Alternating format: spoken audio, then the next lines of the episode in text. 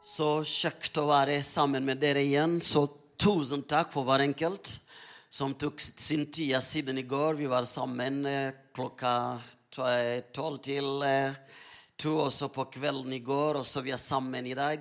Jeg setter veldig pris på at du nemlig tok din tid eh, for å være her sammen med oss i dag. Og så setter jeg også ekstra pris på de som har reist en del en stund bare for å være sammen med oss. Eh, det betyr veldig mye. Jeg sier med oss, for de her er altså mitt hjem. Når jeg har er mitt hjem. Mitt andre hjem, på en måte. Så da får jeg si tusen takk. Og eh, for de som ikke kunne være, for de har fått en del meldinger av de som ikke kunne være her, vi ber at Gud skal også velsigne dem der de er. Fordi de har reist tilbake. Av de som var her i går, reiste i går. Som en Gud skal berøre dem. Eh, det er alltid ikke enkelt når du skal avslutte. Amen. Eh, du vet ikke hvor du skal lande, du vet ikke hvordan å oppsummere alt. Men eh, vi må la Helligånden ta kontroll akkurat nå, eh, slik at han skal oppsummere det. Og så la han virkelig tale til oss. Vi gjør det litt annerledes. Det er søndagen i morgen, det er virkelig skolen, og det er mange ungdommer som må gå hjem og gjøre seg klar. Barna som må gjøre seg klar til skolen i morgen, så gjør at i dag vi tar andre tempo litt. grann. Eh, slik at vi kan få lov til å avslutte med glede, alle sammen. Og gå hjem med, med virkelig glede og døye på det Gud har gjort, både i går og i dag. Eh, så tusen takk, eh, min bror, som virkelig jeg pleier alltid å si, som drakk mye melk og drakk mye kaffe. Så det er utrolig bra. Godt å være her. Og det var en velsignelse. Takk for å invitere meg for å være her den helgen. Jeg setter veldig pris på det. Og vi jobber med at du skal finne en helg og komme til oss i Molde òg. Det er godt at vi kan bite litt grann og så velsigne hverandre. Det er så veldig viktig å støtte hverandre i dette arbeidet som Gud har kalt oss til. Tusen takk for Ole Martin, som tok meg, virkelig vare på meg på mange måter. Uh, tusen takk for dronningen av huset, dronningen som virkelig gjort alt mye for at jeg skulle trives hjemme. Eh, må Gud velsigne deg så mektig. Jeg setter veldig pris. Eh, og må Gud virkelig eh, velsigne den menigheten videre i Jesu navn. Når vi skal be kort Jeg kjenner at jeg skal be litt. Grann, for at vi virkelig går i ordet, eh, og så har tida å be. Kjære pappa i himmelen. Vi vet at du vet alt. Du ser alt. Du vet hva vi bærer på. Hva som ingen mennesker rundt oss kan hjelpe oss med. Som bare du alene kan hjelpe oss med. Vi vet også du er tilgjengelig hver eneste minutt og sier 'Hva kan jeg hjelpe deg med?' Gud, vi ber du skal la himmelen bli åpen over oss. Du skal strekke din mektige hender og berøre oss i Jesu Kristi navn, slik at hver enkelt som er til stede, kan bare kjenne at Gud var virkelig til stede. Han berådte meg i Jesu Kristi navn. Det har ikke å gjøre med hvor lange vi har bedt, men det har å gjøre med at vi, er, vi ber deg til å gjøre det, og vi er tilgjengelig for deg, slik at Helligånd kan komme og gjøre noe som mennesker mennesket ikke kan gjøre for oss. Velsigne hver enkelt, berøre hver enkelt. Bare gjennom forkynnelse. Bare Gud, gi oss bønnesvar. Alt som djevelen bruker for å binde oss. Vi bare ber Gud at du skal frigjøre oss, fordi ditt hjerte er at vi skal leve med frihet. I Jesu Kristi navn. Vi bare ber at du skal gjennomprette alt som djevelen virkelig tar bort fra oss i Jesu Kristi navn, slik at vi kan oppleve at det går til seier. Om det er barna våre, om det er familien våre, om det er ekteskapet våre, om det er økonomien vår, om det er hva som helst. Gud, kom og gripe inn og vise din nåde. Vi bare tror på at du kan hjelpe oss med alt vi går igjennom. Om det er helse, Gud, du gir oss tilbake helse i Jesu Kristi navn. Om det er våre drømmer, du gir oss tilbake det i Jesu Kristi navn, slik at det kan gå til oppfyllelse. Bare Gud, la himmelen bli åpen, slik at du kommer med din mektige, virkelig salvelse over oss, og la oss få gjennombrudd. Jesu Kristi navn, halleluja. Og la oss se at det vi tror på, det er virkelighet. La mennesker rundt oss se at vår pappa er opptatt av å hjelpe oss, slik at de også kommer og blir en del av oss. I Jesu Kristi navn. Takk, Jesus. Ta kontroll nå. I Jesu Kristi navn. Bare, bare, jeg bare ber at du tar kontroll. Ta den atmosfæren akkurat nå, slik at alt skal gå til vilje. Alt skal bli som du vil. Alt skal virkelig gjøre som du ønsker. I Jesu Kristi navn. Og ingen skal gå herfra på samme måten han eller hun kom inn. Men vi skal gå virkelig herfra med jubel, halleluja, for det du har gjort i Jesu Kristi navn. Fordi du er en mektig Gud. Takk, Jesus. Vi er åpne for deg. Kom og gjøre ditt arbeid. Velsigne menigheten. Velsigne ledelse. Velsigne alle sammen. Og la alle kjenne at du er til stede. I Jesu Kristi navn. Amen. Amen. Nå skal jeg virkelig tale eh, i Jesu navn. Amen. Viktig. Så det er veldig viktig at vi skal tenke hva er det Albert skal virkelig konkludere med i Jesu Kristi navn, slik at vi kan gå hjemme. Og det jeg fikk å konkludere med, det er at du skal virkelig ikke miste mot og motivasjon for å, å leve et liv full av glede. At du skal ikke miste mot og motivasjon for virkelig å ikke leve et liv, leve som et liv som ikke har virkelig eh, bare frustrasjoner, men et liv som er full av glede. For hvis vi virkelig merker Halleluja, Bibelen sier gleden i Herren er vår styrke, er din styrke. Men hvis vi legger merke til om det er noe djevelen virkelig er imot, det er å sørge at vi ikke opplever glede. Fordi når du ikke har virkelig gleden, det blir vanskelig å komme koble seg på rettskilden. Det blir vanskelig å koble og virkelig å høre når Gud snakker, for det blir lettere å koble deg på showet og virkelig bare se det som foregår rundt deg, enn virkelig å leve på det Gud har for deg. Se Guds lofter og tenke Amen, om det er ikke som jeg ønsker her i dag, men det kan bli bra i morgen, fordi Gud er med på saken. Han jobber med saken. Det går til seier. Og det er virkelig noe han vet, djevelen vet, at det er mye lettere å forvirre oss når vi lever et liv av virkelig, virkelig bare frustrasjon. Fordi gleden er ikke en foldelse, selv om det kan relateres til en foldelse. Men gleden er en styrke som gjør at du blir stabil, du blir solid. At du ikke blir noen som bare er svingete, men du blir virkelig der uansett om stormer kommer eller ikke. Men du står fast, for du vet at Jesus står fast. Og det er virkelig den gleden vi snakker om, samtidig som vi vet at det, det, det er kjedelig å leve et liv uten foldelse. ikke sant? Et liv uten foldelse, det blir mareritt.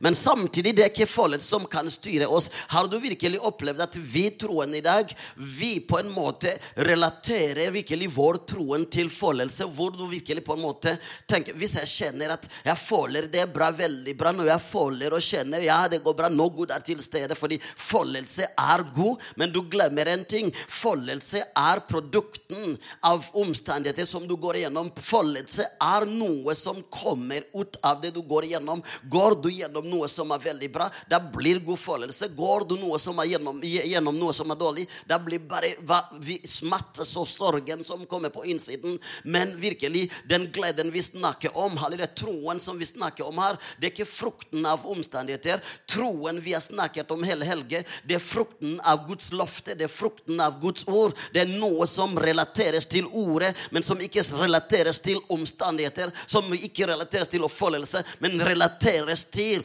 Guds lofter som er virkelig for oss. Bare tenke yes, jeg skal ikke virkelig la mitt liv preges av sorgen og frustrasjoner fordi jeg går gjennom det. Men når jeg går gjennom vanskeligheter, da skal jeg gå på knær og rope til min pappa og tenke, pappa, jeg har vanskelig enn å prøve å late å ha god maske på og så gå til Gud som det går veldig bra. For i Norge, i landet vårt, vi er så gode å sette masken på. I stedet bare å bli La meg bli ærlig med Gud, for uansett, Gud vet alt. Og det er ikke virkelig problematikken hvis du går til Gud og sier Gud, jeg er nede. Gud vet at det går an å være nede. Det, det, det vet han. Han ikke bare skapte oss med styrken. Han vet at vi har virkelig også svakheter. Han vet at det vil gå bra, det vil gå dårlig. Men det er veldig viktig å tenke når du er virkelig nede Du er ikke noe som Gud ikke elsker. Han elsker deg likevel når du er nede, og han vil løfte deg opp. Men bli ærlig med din Gud. Bare tenke Gud, jeg er veldig nede nå. Jeg trenger din hjelp. Hjelpe meg, løfte meg opp. I stedet bare å tenke halleluja, jeg er en troende, jeg er virkelig sterk. Nei takk. Men jeg er nede. Hjelpe meg, Gud. Kanskje du er mer åndelig enn meg. At du er alltid sterke. Jeg av og til er nede.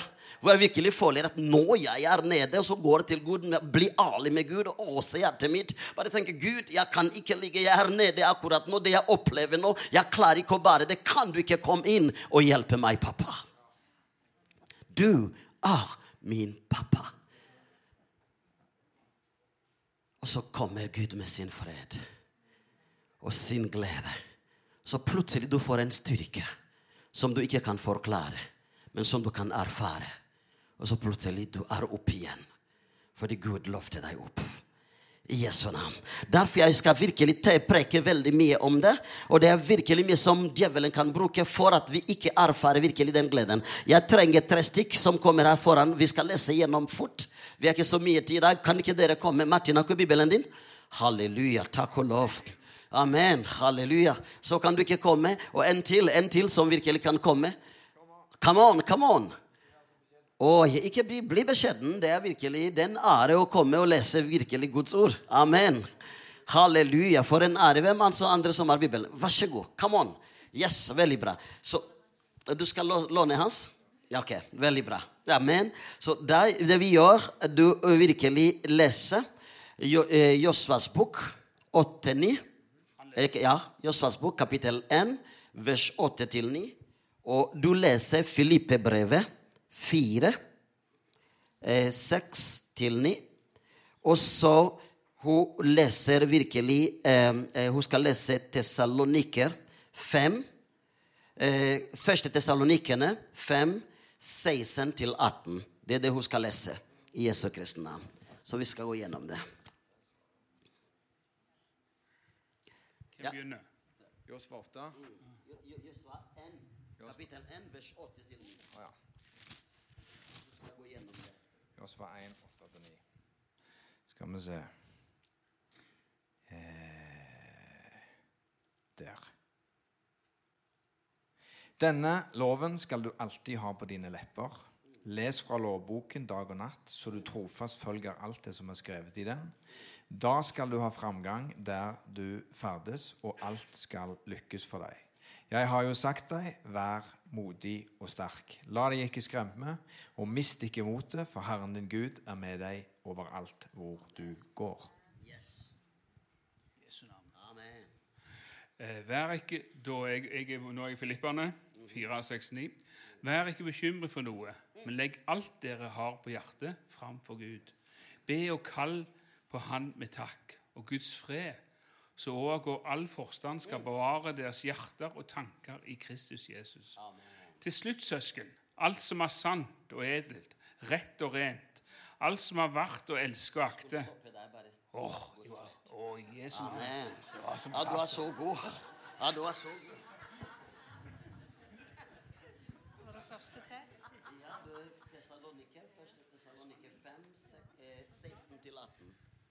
kapittel 5, 16-18. Og så skal vi gå gjennom det fort.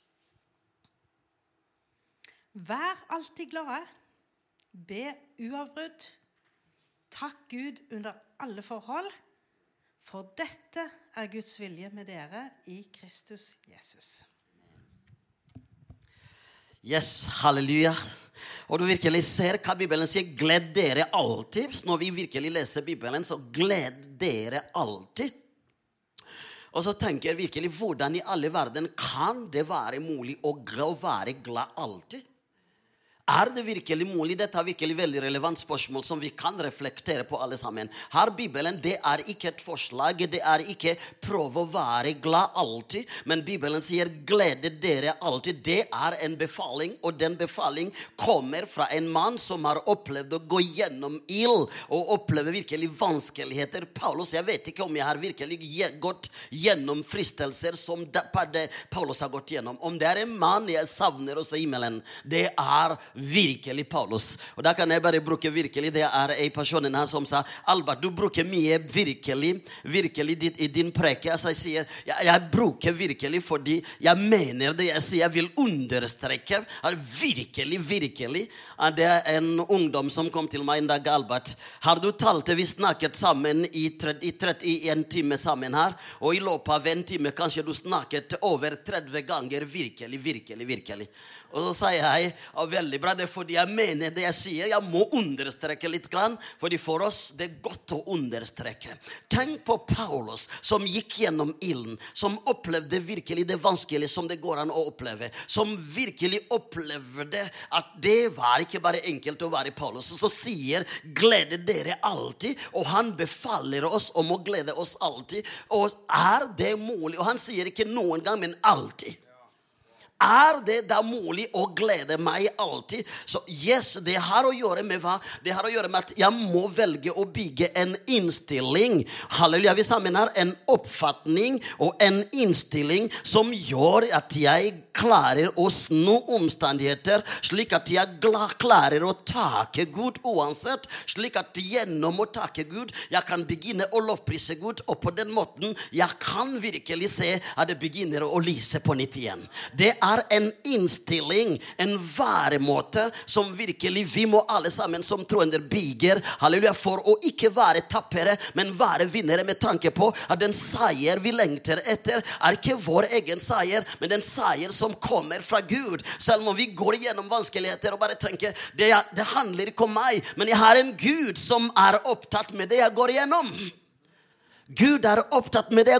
Han vil hjelpe meg. Han er der. Derfor jeg kan ikke virkelig gjøre at min glede blir virkelig produkten av det jeg går igjennom, men jeg kan virkelig faktisk la min glede påvirke det jeg går igjennom, slik at jeg kan forandre det, halleluja, og få en styrke til å takle hverdagen med en overnaturlig kraft.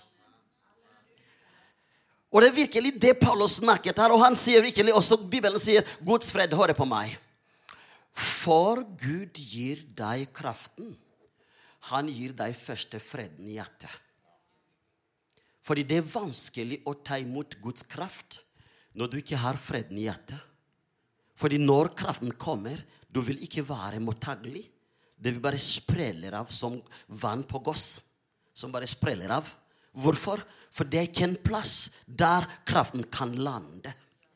Freden i hjertet skaper en landingsplass på Guds kraft som kan gjøre at du begynner å fungere som et, virkelig noen som er koblet på Gud, enn noen som er koblet på omstendigheter.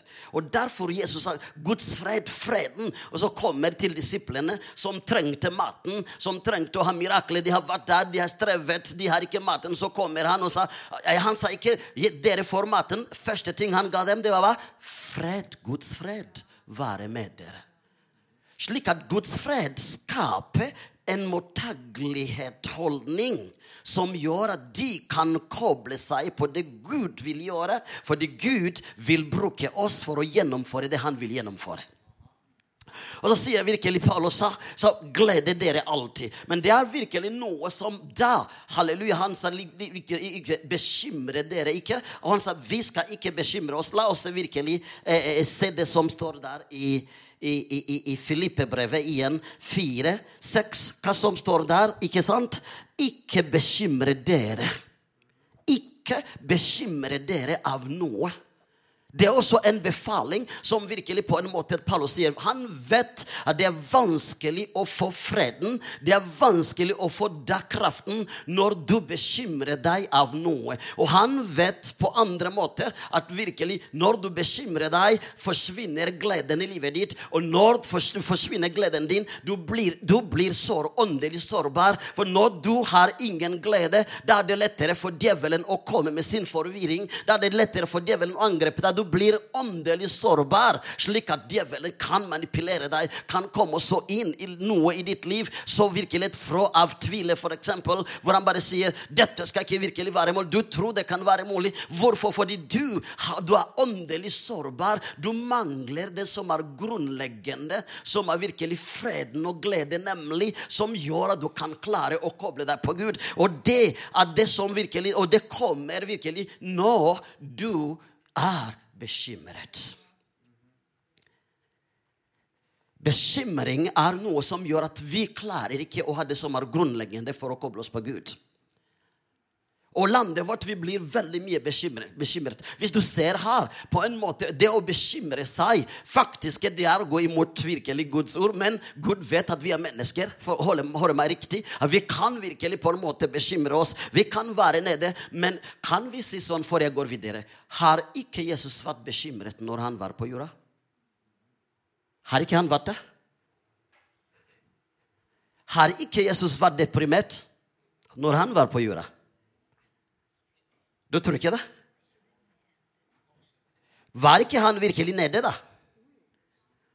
Ok, Når han virkelig sa pappa Han visste han var fått for å dø. Det visste han. Men kommer han i en situasjon hvor han sier, 'Pappa, om det er mulig, la den kalken gå forbi.' Hvor var Jesus egentlig? La oss reflektere litt. Han var nede, han var deprimert. Det er nemlig det. Det er lov av og til å gå gjennom det. Men det var noe Jesus gjort. Han var ikke værende i det. Han bare sa, 'Men ikke min vilje, men din vilje.' Da overførte Jesus sin vilje i Guds vilje, slik at han skal virkelig få den kraften igjen som får han til å oppleve glede midt i vanskeligheter og koble seg på Gud. Men hva som skjer med oss? Vi blir virkelig så mye Bekymringer er noe som djevelen bruker for å hindre oss å erfare Gud og erfare glede og erfare fred. Jesu navn. Hvorfor? Fordi bekymring er nemlig djevelens verktøy for at vi kan glemme at vi har en Gud som virker. Og Bibelen sier i, i Johannes 5, 17, hva sier Bibelen? Jesus svarte dem, min far arbeider fortsatt, og, jeg, og også jeg arbeider arbeider. Min far arbeider fortsatt. Også jeg arbeider. Det vil si at Jesus og Gud, de er på arbeid for deg og meg som tror på dem. Men klarer vi å tro på det, da? Vet du hva? Det er altfor mye bekymring. Hva er egentlig bekymring? Hør på meg, fordi Vi skal lande, vi skal ha virkelig et liv av glede. Bekymringer, det er en onde, en vond følelse som kommer ved å oppleve å ikke ha kontroll på dine omstendigheter. Det praktiske sett her. Er vi sammen? Du opplever du ikke har kontroll på dine omstendigheter, så kommer en vond følelse. Og så plutselig du bare lever, og det begynner å leve i det. Du begynner å meditere det. ikke sant? Fordi du har ikke virkelig fått kontroll. Men spørsmålet er er jeg virkelig skapt virkelig for å ha kontroll over alt. Eller er jeg skapt for å ha, virkelig koble meg på Han som har kontroll over alt?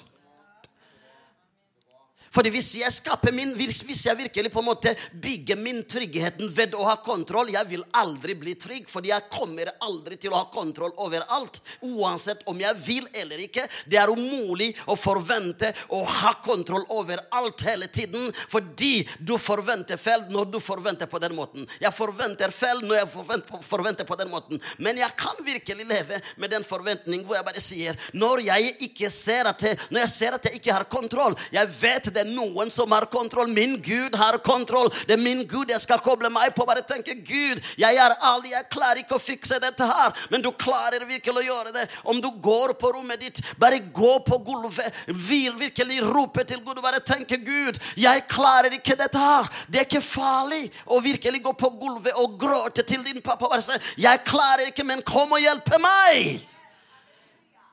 Du er min Gud. Du er min pappa. Dette er ikke noe jeg kan fikse. Dette er ikke noe virkelig min pappa eller min mamma kan hjelpe meg med. Dette er ikke noe noen av virkelig mennesker rundt meg kan hjelpe meg. Men du kan hjelpe meg. Jeg vil ikke leve med bekymringer, men jeg vil se på deg og få gleden, fordi det er virkelig mareritt å leve et liv uten glede. Å være en troende uten glede, det er virkelig vanskelig. Og det går ikke an. Å ha en menighet uten glede, det går ikke an. Å ha en menighet full av bekymringer, det går ikke an. Men det går an å komme med alle bekymringer og kaste virkelig på Jesus. Og bare tenke halleluja, vi har ikke kontroll, men vi vet du har kontroll. Og det er det du kan virkelig skapte oss for. Vi skal ikke leve med bekymringer som virkelig hører deg til. Ellers, i stedet å leve med det, vi sender alle bekymringer tilbake til djevelen.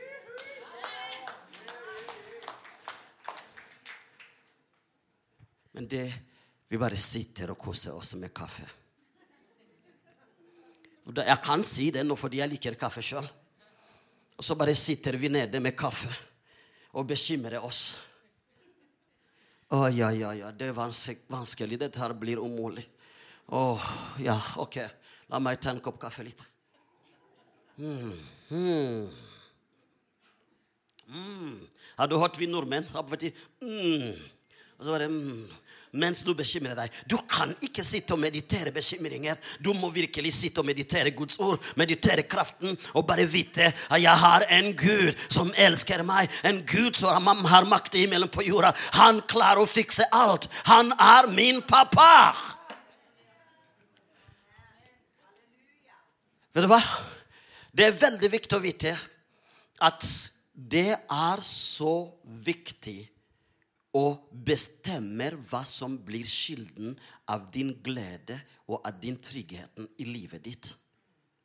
Fordi kilden av din glede og din tryggheten vil avgjøre hvilket type livet du skal leve om du skal virkelig leve et liv full av glede, det har å gjøre med hva har du bestemt at det skal være kilden av din glede, kilden av din inspirasjon. Hva blir kilden av virkelig min motivasjon? Hva blir kilden av min inspirasjon? Når du velger rett kilden av virkelig inspirasjon, motivasjon, glede av livet ditt, og bare tenker jeg velger å ta Guds ord til å være kilden av det, fordi Guds ord forandrer seg ikke. Guds ord er det samme i går, i dag, ja til evigheten. Guds ord går ikke med tiden. Guds ord er det samme. Guds ord går ikke med omstendigheter. Guds ord er det samme. Nå bare bestemmer du til nå jeg vil virkelig leve et liv som er fullt av frihet og glede. Da må du legge virkelig bekymring på sida og tenke amen, jeg vil ikke ha kontroll. Fordi i landet vårt, jo mer vi er velsignet, jo mer vi vil ha kontroll.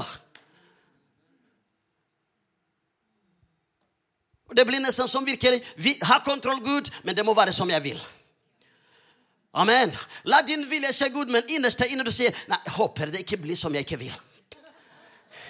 Har du virkelig opplevd det? Virkelig bare, å, din vilje skal skje. Men jeg håper det blir ikke som jeg ikke vil. Det blir som jeg vil. La meg bare si, her det handler ikke skal vi leve et liv full av kraften. Vi må la Guds vilje skje om det er imot din vilje. Men bare gå, leve i det. Fordi Guds vilje for livet ditt er det beste. Guds vilje for menigheten er det beste. Guds vilje for landet vårt er det beste. Men vi må slippe til Guds vilje enn å holde fast på vår egen vilje fordi vi vil ha kontroll. Og så tolker vi omstendigheter som vi vil. Hør på meg. Bekymringer, det er mangel på riktig forhold mellom deg og dine omstendigheter. Det er mangel på riktig balanse mellom din tro og din forventning som gjør at du blir ubalansert. Du blir bare 'Dette går ikke an.' Fordi det er noe som er ikke på plass. Og dette er virkelig noe du må virkelig bestemme deg og tenke 'Nei takk, Jeg vil ikke tolke omstendigheter på en måte som gjør at jeg får vondt. For de hører på meg. Når du tolker, når det blir omstendigheter Omstendigheter må oppfattes og tolkes slik at du får resultat.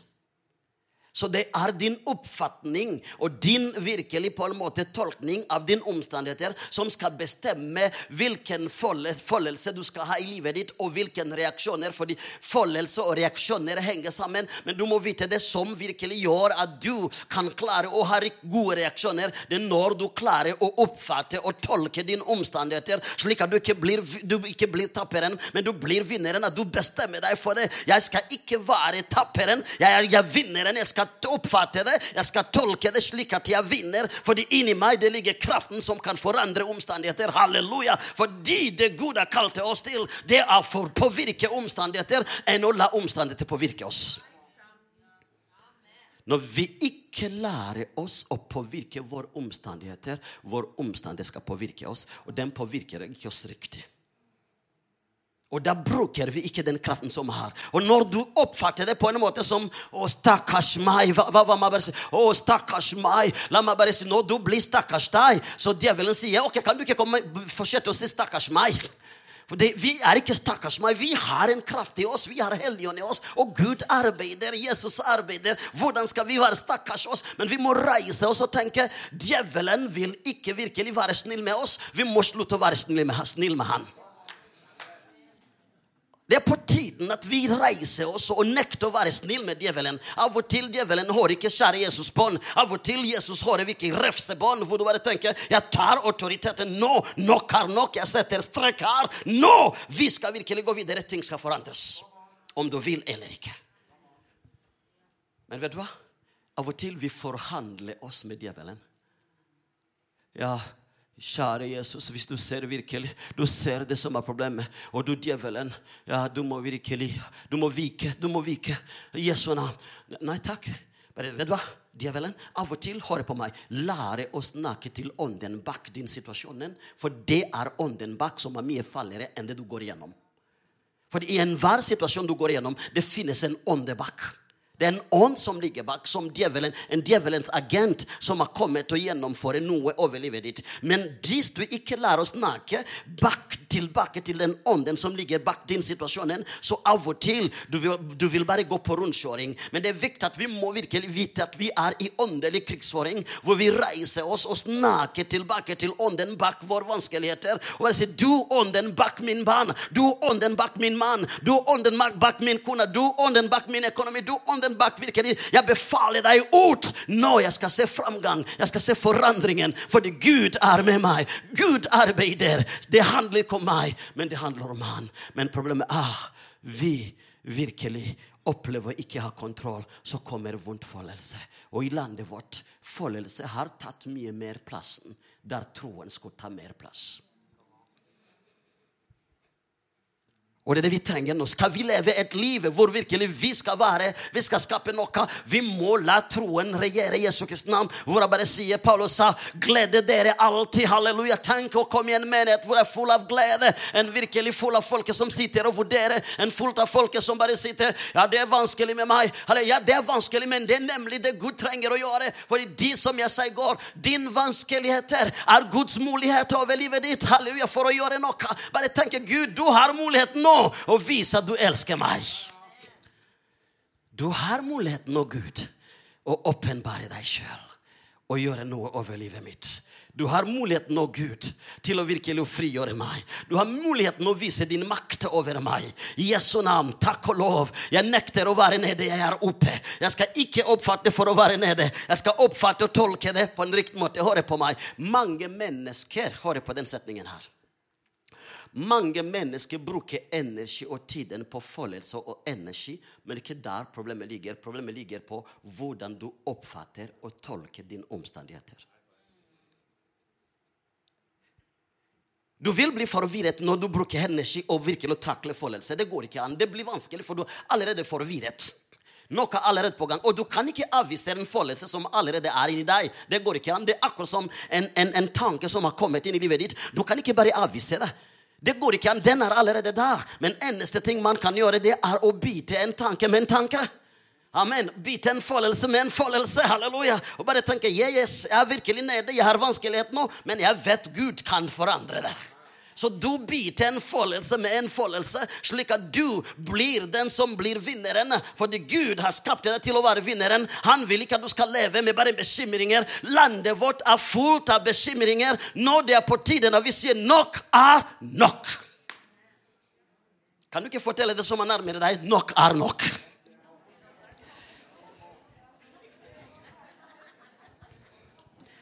Halleluja. Vet du hva? Det er to minutter. Jeg skal lande nå. Amen. Pastor John Arve skal være snill med, meg, med deg. Den menigheten er så veldig flott. Jeg trenger å komme tilbake igjen, så da må jeg oppføre meg pent for å komme tilbake igjen. Amen. Men poenget er Poeng er jeg vil at vi skal leve en der det er glede, der det er ikke så mye bekymring, der det er ikke behov for kontroll. Der vil La Helligånd virke. Der blir miraklet tegn og under virkelighet. Der blir liv, der blir forvandling. Der blir folket som vokser med Gud. Der blir virkelig ikke at folket de bare kommer og blir det samme. Nei takk. Vi kommer til Jesus, at han kan forvandle oss. Der blir framgang, folkens. Der det er virkelig glede, der er utrolig godt å komme. Det blir trygghet, det blir godhet. Bare, ja, hvem som vil være med en deprimerende person? En unntak hvis Gud har sendt deg. Hvis jeg, hadde, jeg har vært med Ola Martin. Jeg tror ikke jeg hadde vært med deg igjen hvis du var hele tida sånn. Jeg hadde tenkt kjære Gud, beskytte meg fra den mannen her. Ikke sant? Men fordi han var så snill med meg, nå jeg har lyst til å være sammen med han igjen. ikke sant? Det er sånn det er utrolig godt å være med gode folk, så kan vi ta seg av de som er nede. Men problemet er vi lar bekymringer regjere over oss. Og vi glemmer at vi har en Gud. For vi ser mer på våre omstendigheter når vi må begynne å se mer på Jesus. Han vil at du skal ha glede. Han vil du skal leve et liv av frihet. Han vil du skal leve et liv i overflod. Han vil at du skal gjennomføre drømmen din. Han vil at du skal komme i det Gud har kalt deg til. Han vil at du skal bli den han har talt til deg du skal være, kjære vennen. I Jesu navn. Ingenting skal hindre Jesus til å gjøre det. Han vil at du skal berøre andre mennesker med det han har gitt deg. Men det er veldig viktig at du ikke gjør, vil du bestemme deg hva blir kilden av motivasjon, inspirasjon og livet ditt. Amen. Og det var akkurat ending på min tid. La oss virke.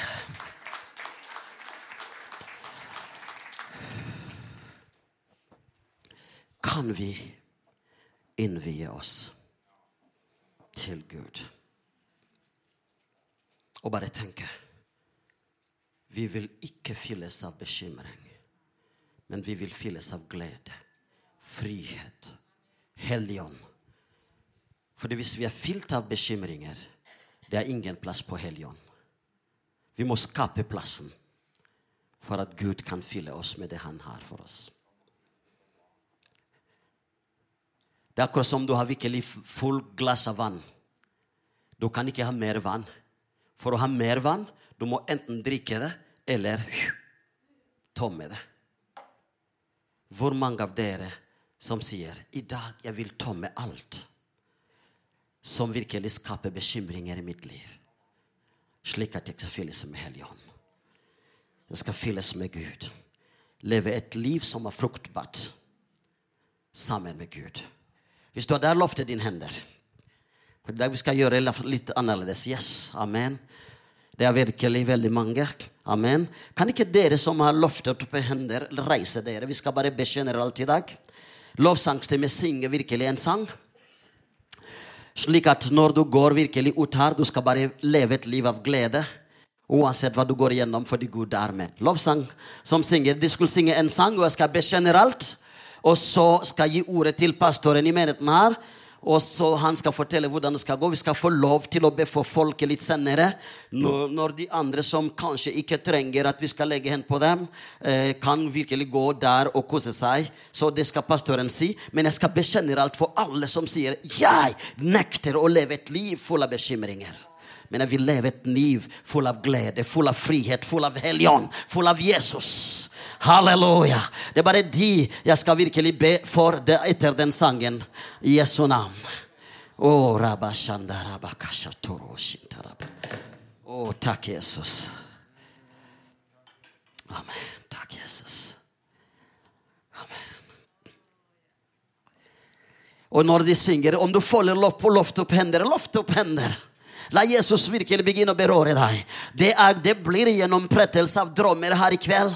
Det blir gjennomprettelse av helse, det blir gjennomprettelse av familie, det blir gjennomprettelse av mange ting. Økonomi, det blir gjennomprettelse av veldig mange som skal bli berørt av Gud. Det tror vi på.